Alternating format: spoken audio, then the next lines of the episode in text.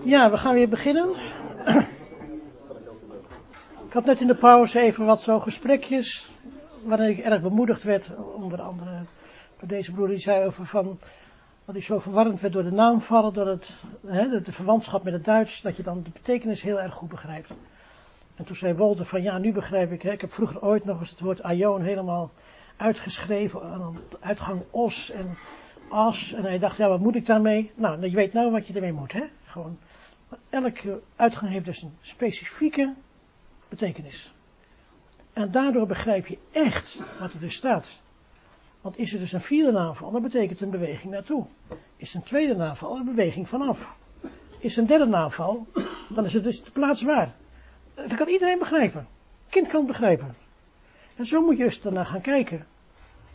Dus als je iets leest in je, in je Bijbel, dan ga je dus naar het Grieks toe, naar ons programma. En dan denk je, wat staat er nou? Staat er nou vierde naamval, een derde naamval, een tweede naamval? En er zijn nog kleuren bij ook.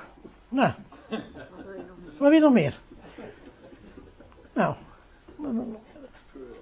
ja. Uh, naamvallen. Dat was nog makkelijk. Dat zeg ik niet om u, dat zeg ik niet om u aan het schrikken te maken. Maar als u denkt straks, valt toch erg mee, dan, dan hè, we het ergens voorbereid. Hè? Het valt altijd tegen, altijd mee.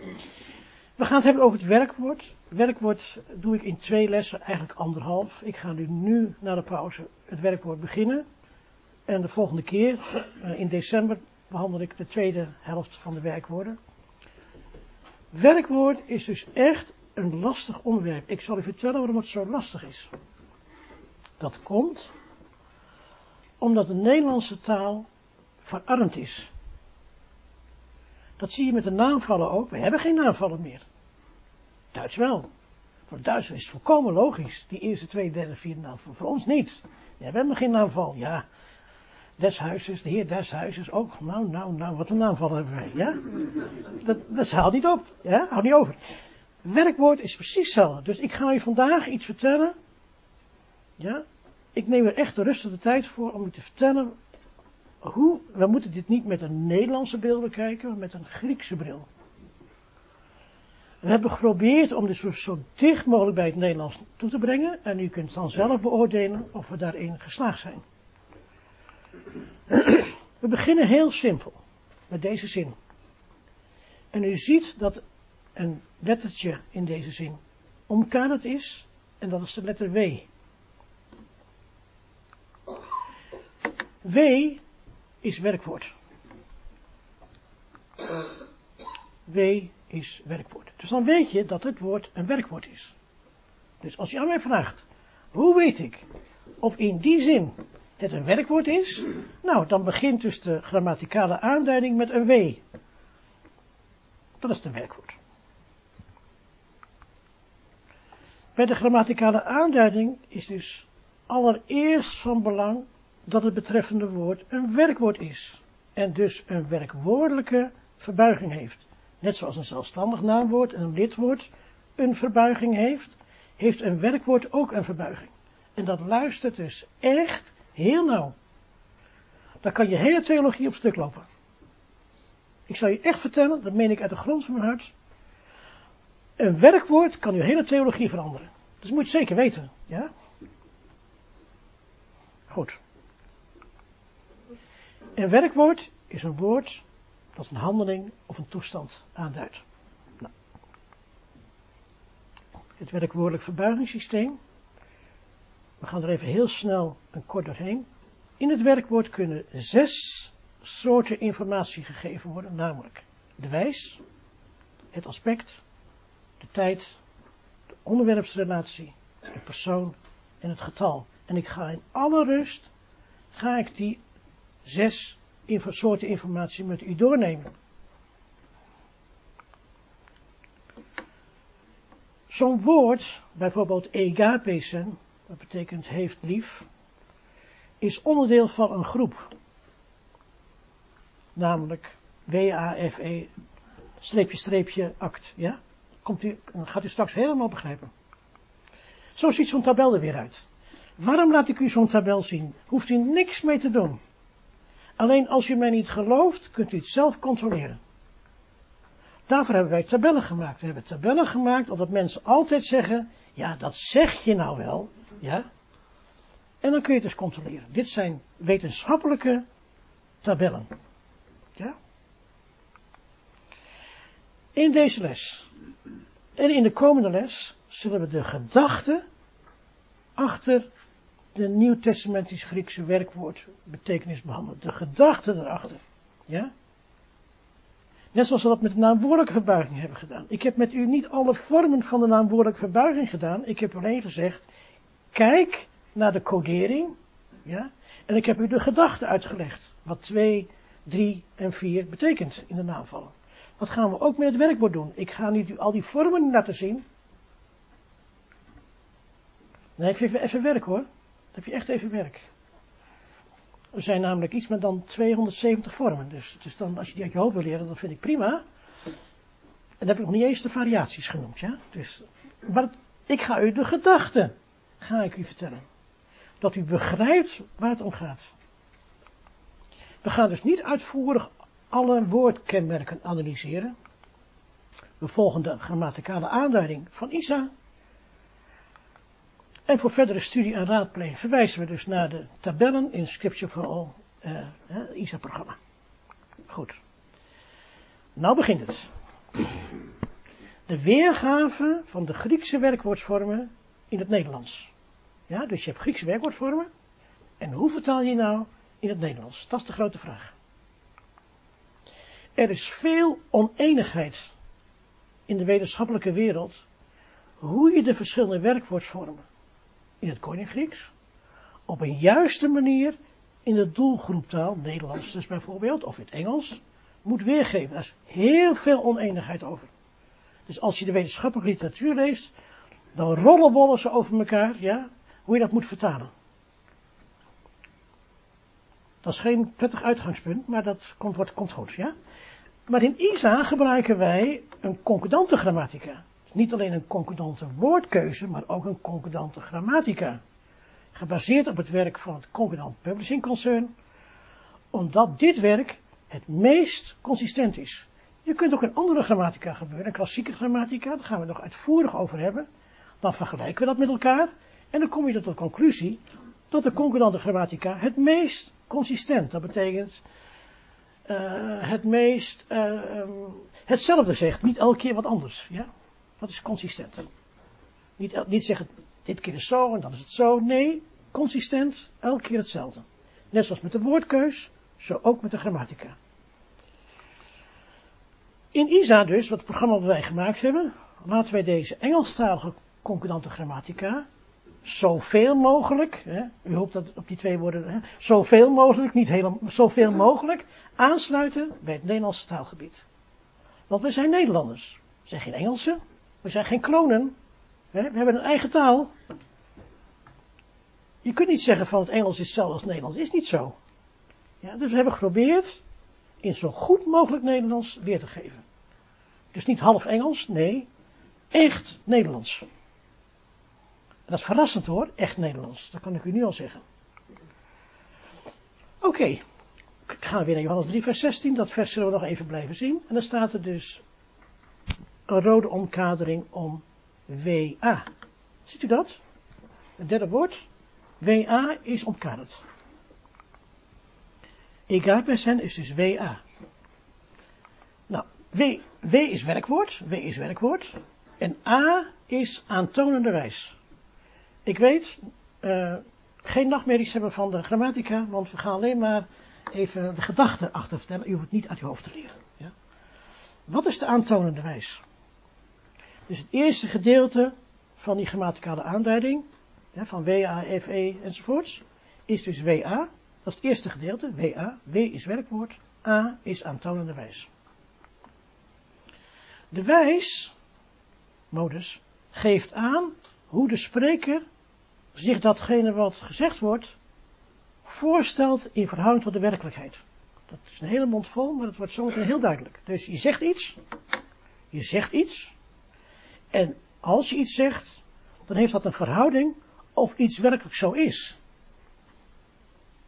Ja? Ben je heel niet van bewust hoor. Dat is echt. Kijk, het probleem is, we hebben dat in de voorbereiding, André de Mol en ik gedaan. En wij zijn ons volstrekt niet bewust wat wij zeggen. Dat is echt gek, wij spreken namelijk intuïtief. Je van je jeugd ervan heb je leren spreken door je ouders en je spreekt je taal eigenlijk intuïtief. Je zegt ook meestal hetzelfde, dat zijn mensen ook niet bewust, hè? Maar als ik, als ik zeg tegen mijn vrouw, ik hou van jou, ja, dan denk ik dat ik iets uniek zeg, dat is natuurlijk niet waar, want miljarden keren wordt dat gezegd, hè? Dus mensen praten niet uniek. Nou, sommigen een beetje wel, maar ik bedoel te zeggen eigenlijk dat wij spreken wat wij van onze jeugd af aan geleerd hebben. Wij breiden dat uit door onze opvoeding, door onze educatie op school. Ja, maar we zijn ons niet bewust wat we zeggen. Dan ga ik u, nog, ga ik u echt demonstreren dat we ons niet bewust zijn wat wij zeggen. Ja? We gaan dus hebben eerst over de wijs. En de aantonende wijs presenteert het gezegde als werkelijkheid. Oké, dan gaan we dus kijken in Johannes 3, vers 16. want, want zo heeft lief God de wereld. Wat wordt er dus gezegd? Dat God de wereld lief heeft, dat is werkelijkheid. Hebben we dat? Dus, heeft lief staat in de aantonende wijs.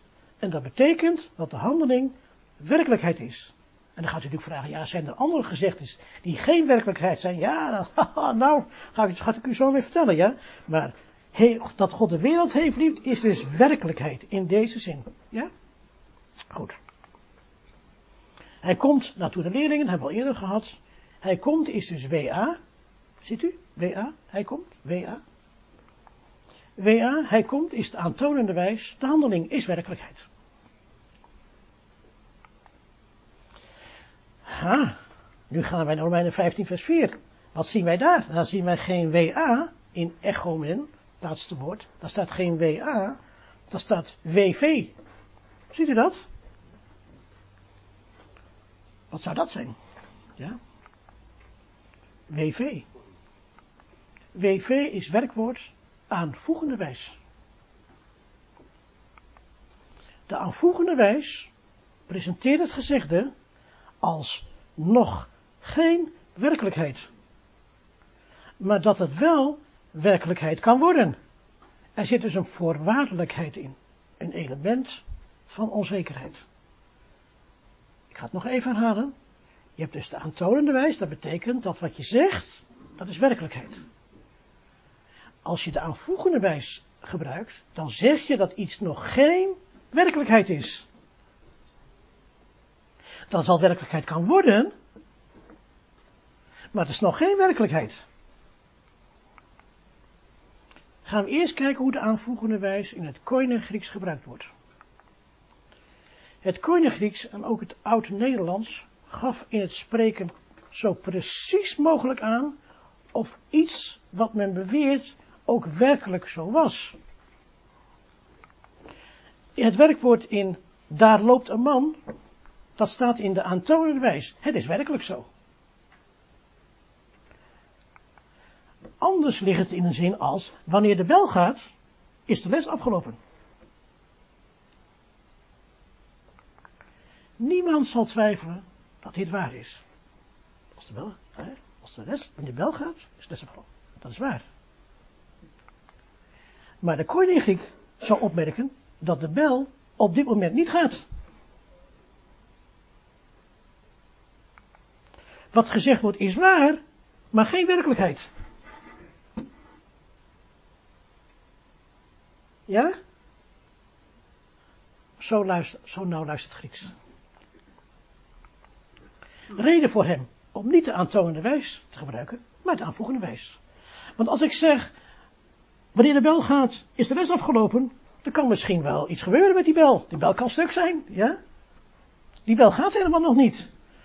Pas als de bel gaat, dan is de les afgelopen. Dus als je zegt in het Grieks, wanneer de bel gaat, is de les afgelopen, gebruik je dus geen aantoonende wijs. Want het is nog geen werkelijkheid. Misschien gaat er nu iets uh, bij een klein lampje branden bij u. Er zijn dus heel veel teksten in het Nieuwe Testament die in de aanvoegende wijs staan. Waarin wij denken dat het werkelijkheid is, is het nog geen werkelijkheid. Nou, uh, ja. Hm? De aanvoegende wijs in het Nederlands. Haha. We hebben de aanvoegende wijs het nu een aanvoegende wijs in het Nederlands. De aanvoegende wijs is bijna geheel uit het Nederlands verdwenen.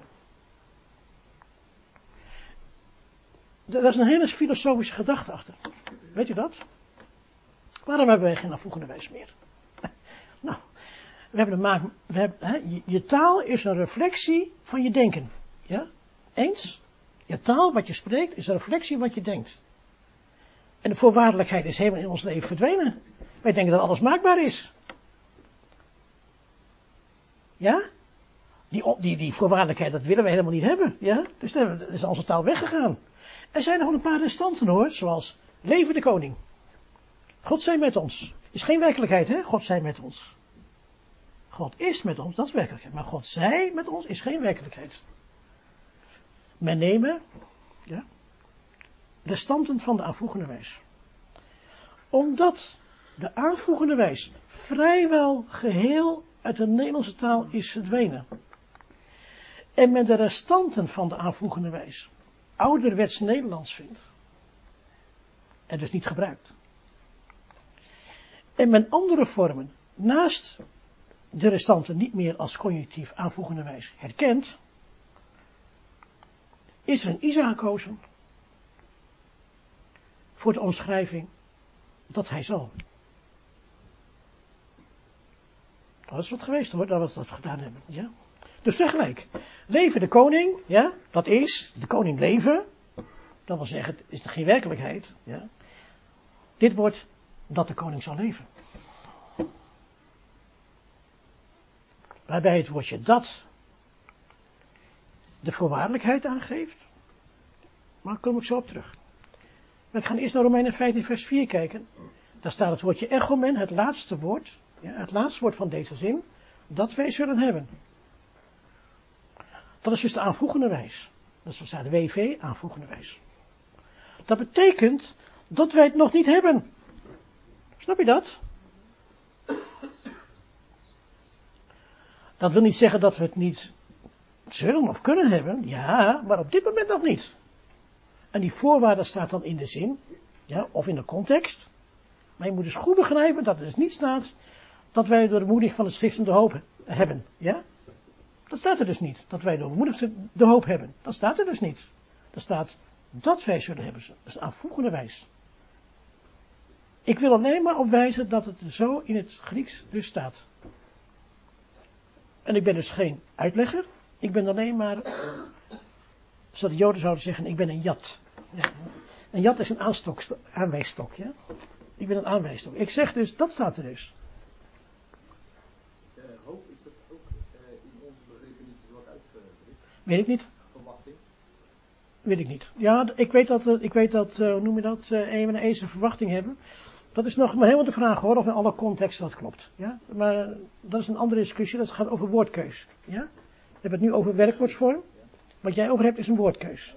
Dat krijgen we in een latere les. Krijgen we, uh, in les 6 of zo krijgen we woordkeus. Maar dan mag je die vraag weer opnieuw stellen. Ja? Ja?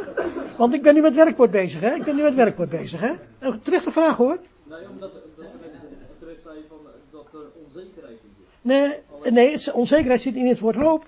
De onzekerheid zit in het, in het werkwoord. Zuiver denken, hè? De, dus de onzekerheid zit niet in het woordje hoop.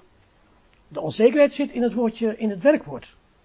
Want het is nog geen werkelijkheid. Er is een voorwaardelijkheid. Er is een element van onzekerheid. Hm? Niet. Het is wel waar, ja. Maar het, is nog niet geen werkelijkheid. Ja? Begrijp je dat? Dus die zin zegt eigenlijk van, natuurlijk uh, is het waar dat je de bemoediging van de schrift en de hoop hebt. Alleen staat in deze zin in de voorwaardelijke vorm. In de aanvoegende wijze. En dan mag je dan zelf bedenken wat het in deze context betekent. Ja? Dat zeg ik dus tegen jou. Ik zeg niet, ik heb, de, uh, wij, de, ik heb niet alle wijsheid in pacht. Ik ben het einde van alle tegenspraak. Helemaal niet. Ik wijs er alleen op dat het woordje echomen in de aanvoegende wijze staat. Dat zeg ik dus tegen je. Snap je? Oké. Dus echomen wordt in Romeinen 15:4 wordt dan dat wij zullen hebben. Waarin het woordje dat de onzekerheid of de voorwaardelijkheid aangeeft. en het woordje zullen aangeeft dat de werkelijkheid nog in de toekomst ligt. Ja? Dus wij moesten dit oplossen, ja? Want de Griek is, voor de Grieks is volstrekt duidelijk wat aanvoegende wijs is. Van ons niet. Dus ik heb een kunstmatige constructie bedacht. Ik heb bedacht dat we dat woordje echomen gaan vertalen met dat wij zullen hebben. Dat woordje dat betekent onzekerheid en zullen betekent de toekomst, ja? Dus die constructie is speciaal voor de aanvoegende wijs bedacht, ja? Oké. Okay. Waarmee gezegd wordt dat deze uitspraak al waar is, precies wat, wie zei dat? Dat zei jij. Die uitspraak is al waar, maar het hebben is nog geen werkelijkheid. Ja? Dat staat dus in het Grieks. Oké, andere voorbeelden ook heel duidelijk. Hè, Matthäus 2 vers 8. Dat jullie zullen vinden, staat in aanvoegende wijs. Dus heur het, er staat is WV en WV is werkwoord aanvoegende wijs. De aanvoegende wijs presenteert gezegd als nog geen werkelijkheid, maar dat het al werkelijkheid kan worden. Voorwaardelijkheid, element van onzekerheid. Dat jullie zullen vinden is dus aanvoegende wijs. Waarom in deze zin? Waarom is dit aanvoegende wijs? Vanwege het woordje erpan. En het woordje erpan, dat is het eerste woordje in de zin, als eventueel. Ja? Daarom staat in, omdat het nog geen werkelijkheid is. Ja? Herodes zegt niet, uh, uh, jullie vinden hem. Nee, als eventueel. Nou, en dan krijg je in het Grieks natuurlijk een afvoegende wijs, want het is nog geen werkelijkheid. Het kan wel werkelijkheid worden, maar het is nu nog geen werkelijkheid. En dan gebruik je de afvoegende wijs. Snap je? Dus, uh, heb ik er nog even bijgezet als opmerking, dat jullie zullen vinden. He, kijk je naar de grammaticale aanduiding en dan zie je dus uh, een WV, en dat is eigenlijk tegenwoordige tijd, maar ik heb het is eigenlijk uh, in, in mijn vertaling TTT, toekomende tijd, omdat het woordje zullen toekomend is. Maar goed, dat is even, uh, kunnen we nog later nog eens over hebben. Oké, bekende tekst uit Romeinen 7 vers 2. In het geval echter dat hij zal sterven, de man, dat staat dus in de aanvoegende wijs. Er staat WV bij dat hij zal sterven, apotane, dat hij zal sterven. Nog geen werkelijkheid. Die man die sterft nog helemaal nog niet. Ja? Het is nog geen werkelijkheid. Het kan wel werkelijkheid worden. Kan de vrouw even aan meewerken natuurlijk, maar dat doe ik even niet. Maar het is een voorwaardelijkheid, ja?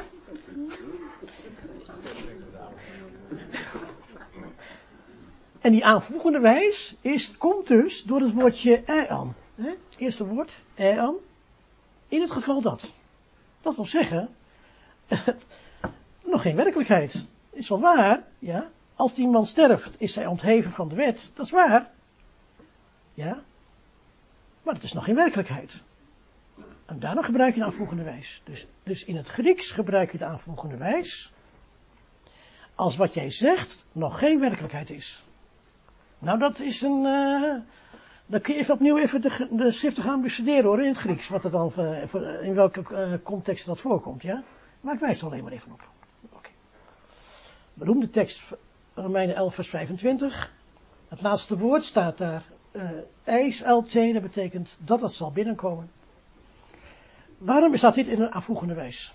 Waarom staat in deze zin aanvoegende wijs? André, waarom staat het in de aanvoegende wijs? Nou, het is nog geen werkelijkheid, ja? De volheid van de natie is nog niet binnengekomen, ja? En dan wordt het woordje gebruikt hier, het woordje agris hoe, dat staat dan aan het eind van de eerste zin, agris hoe, tot op dat, ja, dat is, die, dat is dus die voorwaardelijkheid, ja. Dat is die voorwaardelijkheid, om het woordje agris hoe, tot op dat, nou, en dat is de voorwaardelijkheid die dan terugkomt in het werkwoord aan het eind van de zin. Ja, dus in het Grieks kun je heel nauwkeurig vaststellen of iets werkelijkheid is, of iets dat geen werkelijkheid is. Wat wel waar is, maar nog geen werkelijkheid. Dus je kunt precies vaststellen of iets werkelijkheid is. Begrijp je? In het Grieks. Heerlijk. Want als er staat, want als zo lief heeft God de wereld, dan staat in aantonende wijs, dat is de werkelijkheid. Dan hoef je helemaal niet zeggen, ja, is dat wel zo, of is dat voorwaardelijk? Nee, dat, het staat in aantonende wijs. Zo simpel is Gods woord. Snap je dat? Als je zegt, zo heeft God de wereld, aantoonende wijze werkelijkheid. En dat de natie in de, de van de natie zal binnenkomen, nou nog geen werkelijkheid. Ja? En zo kun je de schriften dus verdelen in handelingen die werkelijkheid zijn en handelingen die nog geen werkelijkheid zijn. Oh, groot verschil. De volgende uh, wijs, de volgende wijs, we hebben gehad de aantonende wijs. We hebben gehad de aanvoegende wijs. En nu krijgen we WW. Het woordje doe, het begin van de tweede zin, het woordje doe, rood omkranst, WW. W is werkwoord en de andere W is wensende wijs. Dus de wensende wijs, die presenteert het gezegde als geen werkelijkheid, maar ernaar verlangend zijn dat het werkelijkheid wordt. Dat is de wensende wijs. Deze wensende wijs wordt in het Nederlands weergegeven met mogen hij, of mogen zij, of mogen ik, of hè, dat woordje mogen. Ja? Dus, als je dus krijgt, in Dikos 1 vers 38 zegt Maria, nee waar, de slavin van de Heer, mogen het worden met mij, dat is dus de wensende wij. Het is nog niet zo, maar zij verlangt ernaar dat het werkelijkheid wordt. Dus met de wensende wij spreek je dus een wens uit, een verlangen dat het werkelijkheid wordt. Ja? Dus nog een keer, de wensende wijs presenteert gezegde als geen werkelijkheid, maar ernaar verlangen te zijn dat het werkelijkheid wordt. Dat, wordt dus de, dat is dus geen aanvoegende wijs, hè? Dat is ook nog geen werkelijkheid. De wensende wijs is dat je ernaar verlangt. Nou wordt het uh, wel leuk. We gaan doen. We krijgen de gebiedende wijs. En dat zijn allemaal passages waarvan je nog nooit gedacht hebt dat het gebiedende wijs is. Dat is echt leuk. WG, WG, het tweede woord, proslambaneste is dus een gebiedende wijs. WG, gebiedende wijs. De gebiedende wijs presenteert het gezegd als een bevel tot werkelijkheid worden. Het zijn dus geen tips, het zijn bevelen. Ja? Dus, daarom, neemt bij je elkaar, zoals zegt uh, Paulus, ja? Tegen de broeders. Neemt bij je elkaar, zoals ook Christus nam bij zich jullie, ja? Dat is geen vrijblijvende oproep. Dat is een bevel. Leuk hè? Vind ik echt leuk, vind ik dat. Bijvoorbeeld dit hè. Volkomen verkeerd geïnterpreteerd vers. De Heer zegt bij het begin van zijn bediening.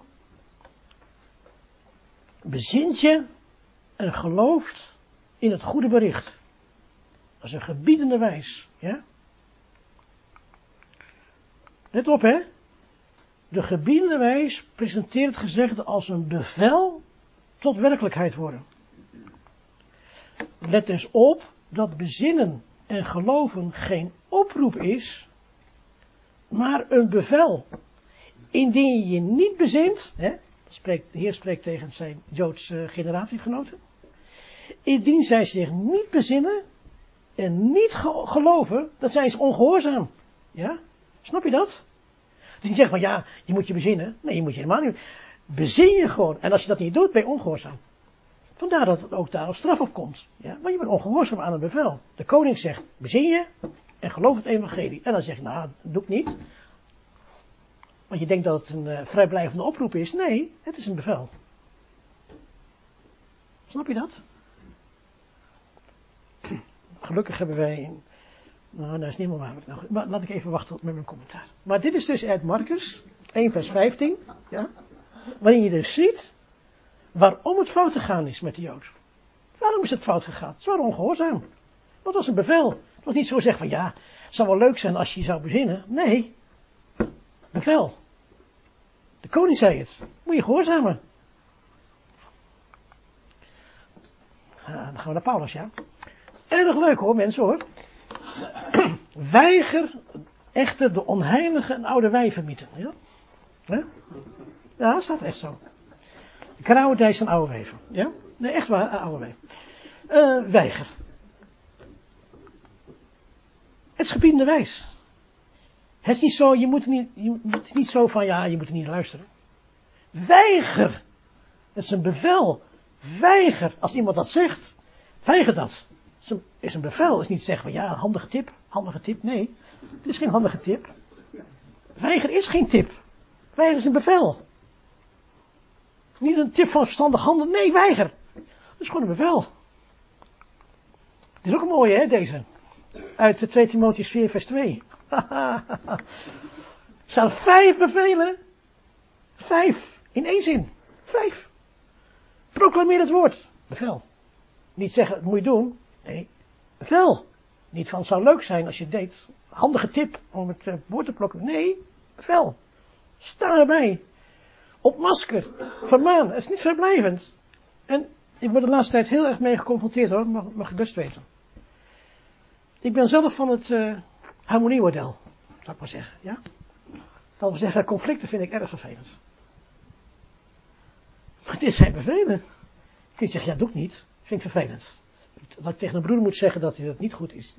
Ja, dat is uh, op masker van ja. Daar heb ik, heb ik geen zin in. Heer, daar heb ik geen zin in. Zeg je dan, hè? Dat, dat moet je doen. Een bevel.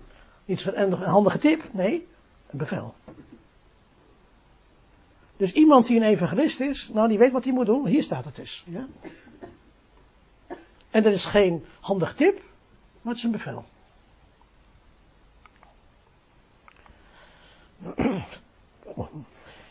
Dus het eerste element in de grammaticale aanduiding van een werkwoordvorm is de wijs. De wijs geeft aan hoe de spreker zich datgene wat gezegd wordt voorstelt in verhouding tot de bestaande werkelijkheid. Dus de aantoonde wijs presenteert gezegde als werkelijkheid, want als lieve God de wereld, is een werkelijkheid. Of de aanvoegende wijs presenteert gezegde als nog geen werkelijkheid, maar het kan wel werkelijkheid worden. Voorwaardelijkheid. Dan heb je de wensende wijze, waarin je dus iets wenst, waar je naar verlangt dat het, dat het werkelijkheid wordt in je leven. En het gebiedende wijs presenteert gezegd als een bevel tot werkelijkheid worden. En kun je, een bevel kun je dus niet naast je neerleggen. Ja, kan je wel doen, maar niet ongestraft. Dat is, dat is een bevel, hè? Ja, goed. Mini-pauze doen we niet aan. Want we hebben veel te doen. We gaan naar het tweede deel van de grammaticale aanduiding, namelijk de handelingswijze. Hebben we ook weer een nieuw woord voor moeten uitvinden, ja? De Duitsers spreken van actionsaard, dat zal je wel heerlijk voorkomen. Actionsaard, dat betekent gewoon de handelingswijze, het aspect van het werkwoord. Gaan we even doen. De handelingswijze in het Koninggrieks. De handelingswijze, ook wel het aspect genoemd, geeft aan hoe de spreker zich het gezegde voorstelt in verhouding tot het tijdsverloop. Het gezegde presenteert de gebeurtenis die door het werkwoord beschreven wordt als onvoltooid, onvoltooid, duratief. Ik heb even de wetenschappelijke woorden even achtergezet. Onvoltooid zeggen wij. Wij zeggen onder elkaar onvoltooid. Geleerden zeggen duratief, hetzelfde. Wij zeggen onvoltooid, voltooid, statisch, of een feit, momentaan.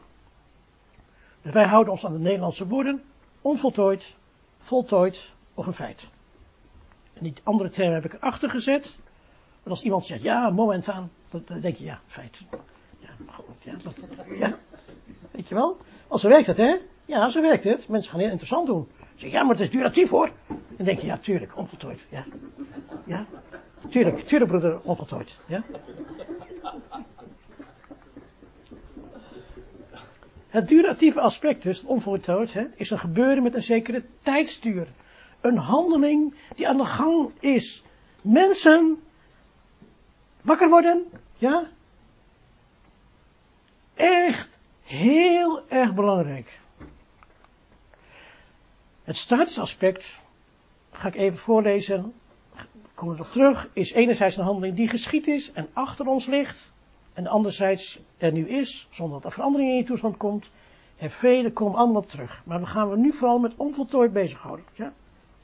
En het momentane aspect presenteert gezegde zonder enige gedachte aan tijdsduur een handeling als een feit. Oké. Handelingswijze in het Nederlands. Let op. Let op. De traditionele opvatting van de Nederlandse grammatica over de handelingswijze geeft veel problemen in de weergave van de Griekse denkwijze. En waarom? Volgens de traditie is, ik leg uit, de onvoltooid tegenwoordige tijd. Maar ik leg uit, is helemaal geen onvoltooid tegenwoordige tijd. Wat is dan de onvoltooid tegenwoordig? Ik ben aan het uitleggen. Dat is onvoltooid. Dat is een onvoltooide handeling. Dat is de onvoltooid tegenwoordige tijd.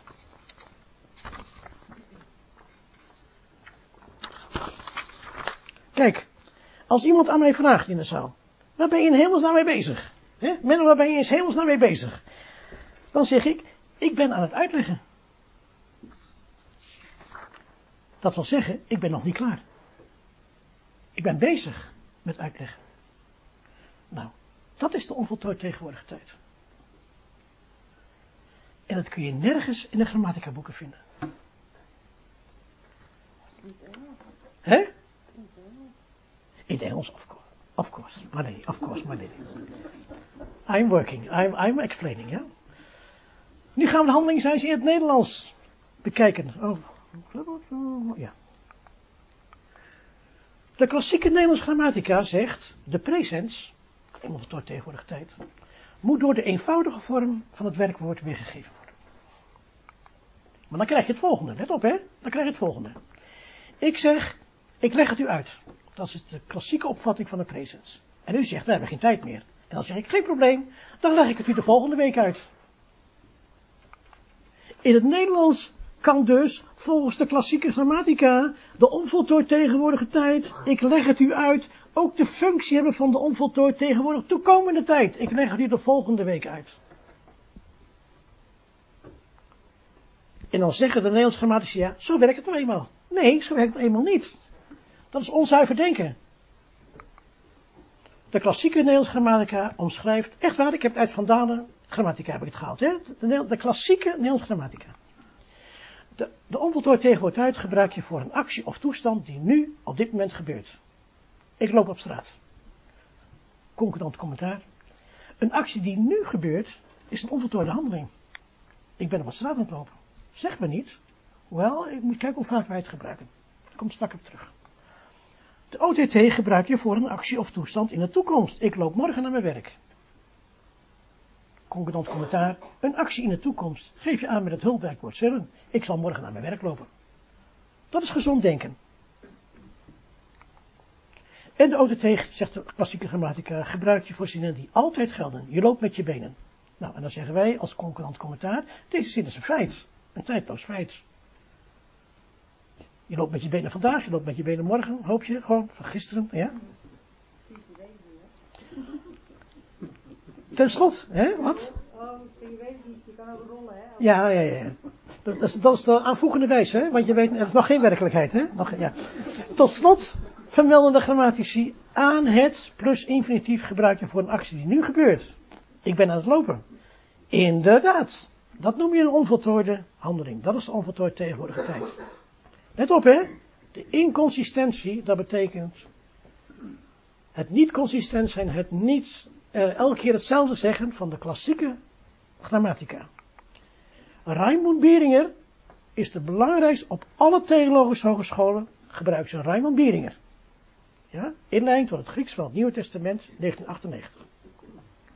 Dat schaf je dan aan en dan kijken wat daar staat. Nou, dan zegt hij dus op bladzijde 10, het Griekse presens, waar we het over hebben, beantwoordt het meest aan de Nederlandse OTT. Bijvoorbeeld zegt Beringen dan, ik ben aan het losmaken. Hier zegt Beringen dus, de grote autoriteit, dat de Nederlandse presens niet ik maak los is, maar ik ben aan het losmaken. Dat zegt hij zelf. Dat zegt hij zelf op bladzijde 10. Hij zegt, de Griekse presens is de Nederlandse OTT, ik ben aan het losmaken, zegt Bieringer. Ja? Snap je dat nog? Bieringer gebruikt het nergens in zijn boek meer. Alleen op bladzijde 10. Bij zijn definitie gebruikt het, hij gebruikt nergens meer, ik ben aan het lopen. Allemaal de eenvoudige presens, ik loop. Dus eerst zegt hij op bladzijde 10, dat betekent het. En in de rest van het boek doet hij wat anders. Dat heb ik in de eerste les dus gezegd. Ik heb gezegd, de wetenschappers zeggen het een en ze doen het ander. En dus het is een klassiek voorbeeld. Nou, wat is dat? Hè? Dus, conclusie dus, conclusie. Vanwege de onjuiste weergave van de Griekse werkwoordsvormen in de Nederlandse taal, hebben wij de grammaticale duidingen aangepast in ISA. Dus, wij spreken bij de handelingswijze het aspect van een HO, een onvoltooide handeling, of van de HV, een voltooide handeling, en een FE, een feit. Waarom hebben we dat gedaan? Omdat de Nederlandse grammatica dus niet consistent is. Ze zeggen het een en ze doen het ander. Dus daarom moeten wij het veranderen, ja? Goed, dan gaan we even kijken naar Romeinen 1 vers 8. Derde woord, Eucharisto. Eerst inderdaad dank ik de God van mij, ik dank.